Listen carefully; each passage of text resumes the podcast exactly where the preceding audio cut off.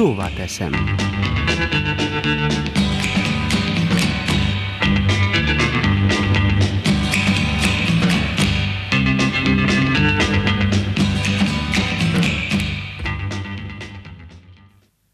Jó napot kívánok! Ezt nem így képzeltük el. Mármint sajnos megint ott tartunk, hogy nem örülhetünk semminek. Mert amikor az első hatásos oltóanyagokról novemberben megérkeztek az örömhírek, akkor az óriási dolognak számított.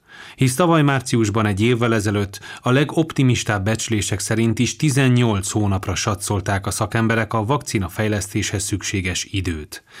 Tehát egy és fél év helyett fél év alatt meg is volt a vakcina. A ráadásul nagyon is hatékonynak bizonyuló oltószer. Ez pedig gigantikus világrekord, hisz az eddig leggyorsabban kifejlesztett oltás akármilyen betegség ellen is legalább 5 évet vett igénybe. Ez a mumps elleni vakcina volt az 1960-as években. De nem tartott sokáig örömünk, mert aztán hamar jöttek is a gondok, a lassú oltási sebesség, a gyártók szerződésszegései, és most főleg az AstraZeneca körüli fenntartások, sőt botrányok. Amerika például tétovázott a járvány kezelésében, azonban az oltási kampánya erős ütemben halad. Ugyanez igaz Izraelre, és még például Szerbiára és Csillére. De mi van az Európai Unióval, illetve velünk itt Közép-Európában? Magyarországon is gyors ütemben halad az oltás, mert engedélyezték a kínai és az orosz vakcinákat is. De mégis felfutóban van a járvány, és a szigorú intézkedéseket is meg kellett hosszabbítani. Nálunk Szlovéniában is tömegesen oltanak, mégis újabb hullámtól kell félnünk. Tehát a probléma tavaly még az volt, hogy nincs oltóanyag. Azt sem tudtuk, mikor lesz, és voltak olyanok, akik főleg a közösségi térben kétségeket fogalmaztak meg az oltások kapcsán.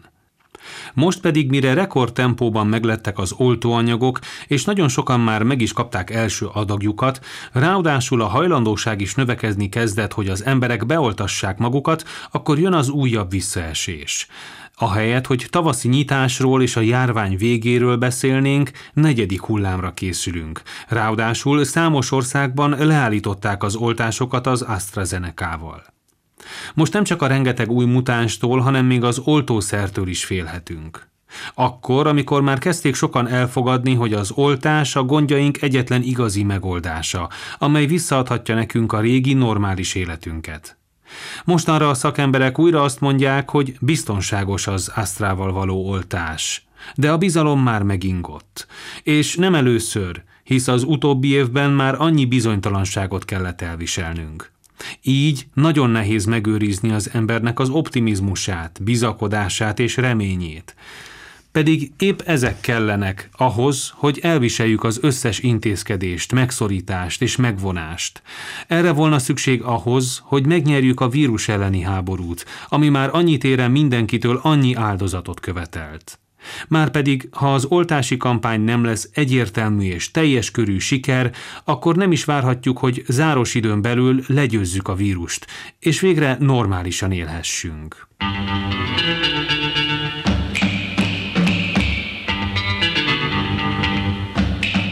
Szóvá teszem.